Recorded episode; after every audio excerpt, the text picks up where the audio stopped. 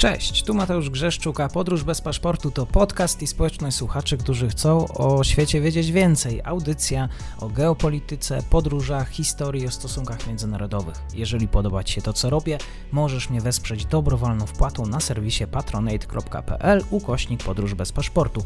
Serdecznie za to dziękuję, bo właśnie dzięki temu mam szansę rozwijać to miejsce. Obserwuj, polub i udostępniaj dalej. Zapinamy pasy, czas na kolejny odcinek podróży.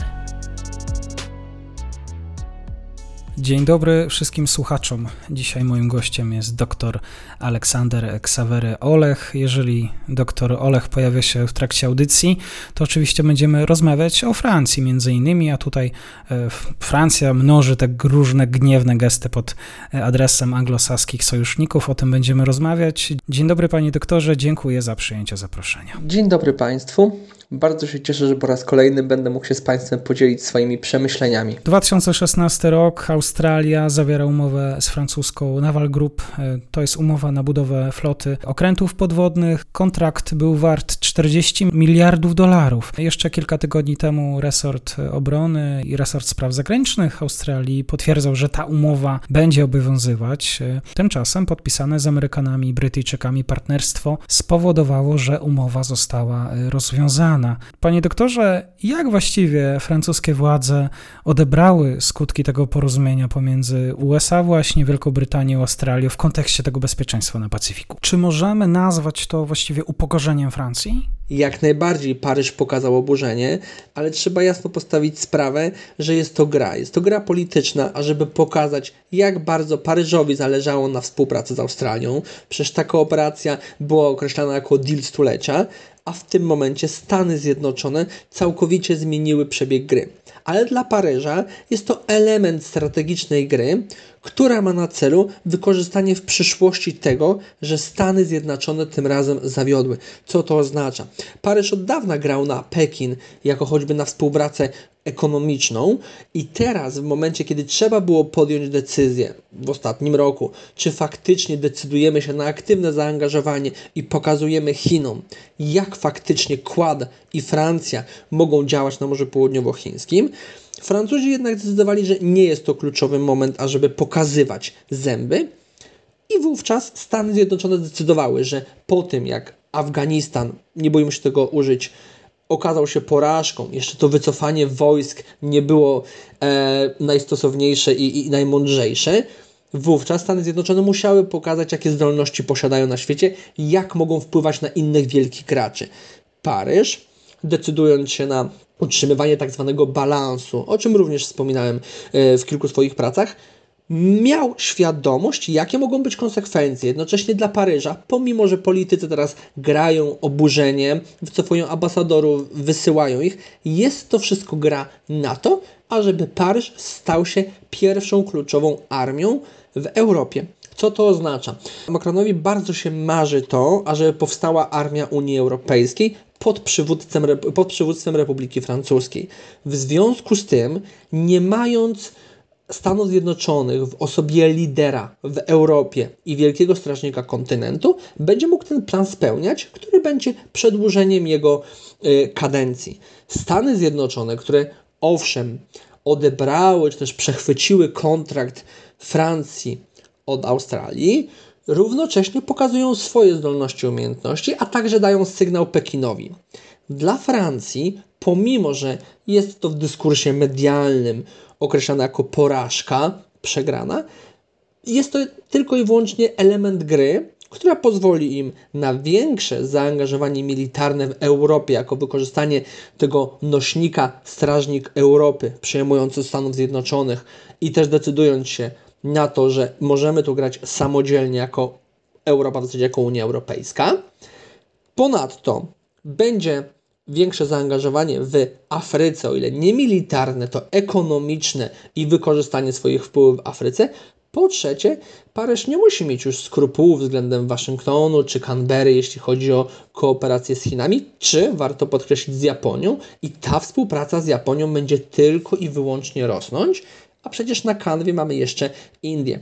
W związku z tym o upokorzeniu możemy powiedzieć, jeśli cytujemy e, media czy gazety. Dla mnie jest to element rozgrywki, na który Emmanuel Macron był gotowy. Może nie w takim charakterze, ale miał świadomość zmieniających się tutaj kierunków zaangażowania na Morzu Południowochińskim i też yy, całościowo Indo-Pacyfik był w jego planie od początku kadencji. Już w 2018 roku przecież opublikowano e, tej strategię bezpieczeństwa Francji w regionie Indo-Pacyfiku i wówczas podkreślano rolę tego regionu. Republika Francuska jest bardzo, ale to bardzo skuteczna w realizacji swoich długofalowych polityk dotyczących regionu i zaangażowania wojsk. Obecnie, jeśli pomyślimy o Indo-Pacyfiku, mamy prawie 8 tysięcy e, francuskich żołnierzy i stale oni są tam obecni, operują, reagują, tak samo jak marynarka Republiki Francuskiej. W związku z tym nie nazwałbym tego upokorzeniem, a raczej płynnym, acz dość agresywnym przejściem do y, kolejnego etapu, a tym kolejnym etapem jest to, że na Indo-Pacyfiku tworzy nam się grupa państw i tutaj możemy otwarcie powiedzieć USA, Australia, Wielka Brytania, kontra Chiny. Mamy Paryż, który po raz kolejny, myślę, że my doskonale pamiętamy z historii, będzie poszukiwał tego balansu i to była cena, którą Paryż płaci. Ale jednocześnie, jeśli Stany Zjednoczone będą chciały się angażować w Europie, czy w ramach współpracy z Unią Europejską, Paryż będzie mógł wysunąć tę konkretną sytuację i to działanie, które, działało, które było na szkodę Paryża. Jeśli chodzi o reakcję, może nie samych polityków, ale wojskowych, to Owszem, było pewne zdziwienie, zakłopotanie, ale jednocześnie podkreślono wielokrotnie, że są kupcy na sprzęt francuski. I świetnie się ten przemysł od kilku lat rozwija. COVID w ogóle na to nie wpłynął, nie wpłynęła też sytuacja w Afganistanie. Pojawiają się kolejni e, kupcy, a w związku z tym, mimo tej przegranej e, z USA w wyścigu Australię, luka, jeśli chodzi o zaangażowanie Francji zostanie wypełniona, tak jak teraz Stany Zjednoczone starają się, że tak powiem, otwarcie pomścić Afganistan i gdzieś pokazać tą swoją um, projekcję siły. W związku z tym to porozumienie nie oznacza, że Francja na zawsze obraziła się na Waszyngton na czele z nowym prezydentem, a raczej mm, będzie poszukiwała w przyszłości gdzieś jakiegoś nacisku, żeby wykorzystać tę sytuację dla siebie. To jeszcze muszę zapytać o kulisę zerwania przez Australię tego kontraktu. Wiem, jak do tego doszło, ale jak y, możemy odbierać tego typu ruchy? Tego typu działanie jest elementem wielkiej polityki i choć powinna w mojej ocenie odbywać się za zamkniętymi drzwiami, dlatego że mówimy o sojusznikach. I tutaj w mojej ocenie przy sformułowaniu sojusznicy lub współpraca międzynarodowa tracą tylko Stany Zjednoczone. I nie chodzi mi tylko i wyłącznie o Polskę, ale mam na myśli również Ukrainę, Gruzję, czy choćby nawet Australię w przyszłości, ponieważ nie jest powiedziane, że Stany Zjednoczone, mimo że wyposażają ją w nowe uzbrojenie i tutaj stanie się ona e, posiadaczem niezwykle silnej floty, będzie od zawsze na zawsze mogła liczyć na Stany Zjednoczone.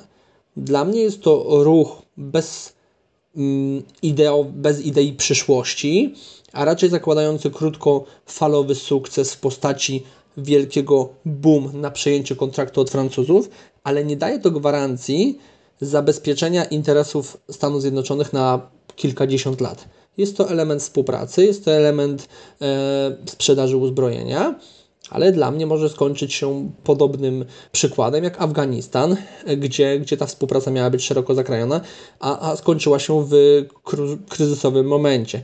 Nie uważam, że Australia powinna obawiać się Chin, nie, nie sądzę, że dojdzie do jakiejkolwiek wymiany ognia, ale sądzę, że w przypadku kryzysu nie dostrzegłbym zaangażowania Stanów Zjednoczonych w takim mm, wysiłku, w takim, mm, takiej sile, jakiej y, Australia by od nich y, wymagała.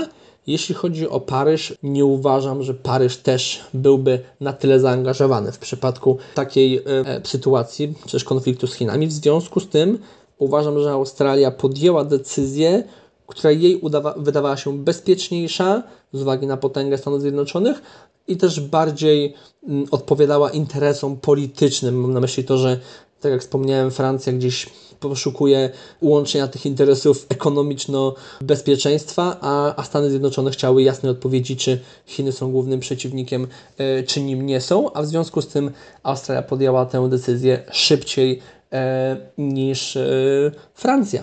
Czy ten pakt y, oznacza też, że no, NATO swego rodzaju przeorientuje się z Europy właśnie na, na Pacyfik? Uważam, że rola NATO jest tutaj najważniejsza. Jeśli Francja decyduje się na zaangażowanie w Europie, czy też odejście od tej działalności na rzecz bezpieczeństwa w regionie Indo-Pacyfiku, to jej priorytetem będzie pozostawała Afryka i Unia Europejska jako tworzenie tej armii Unii Europejskiej.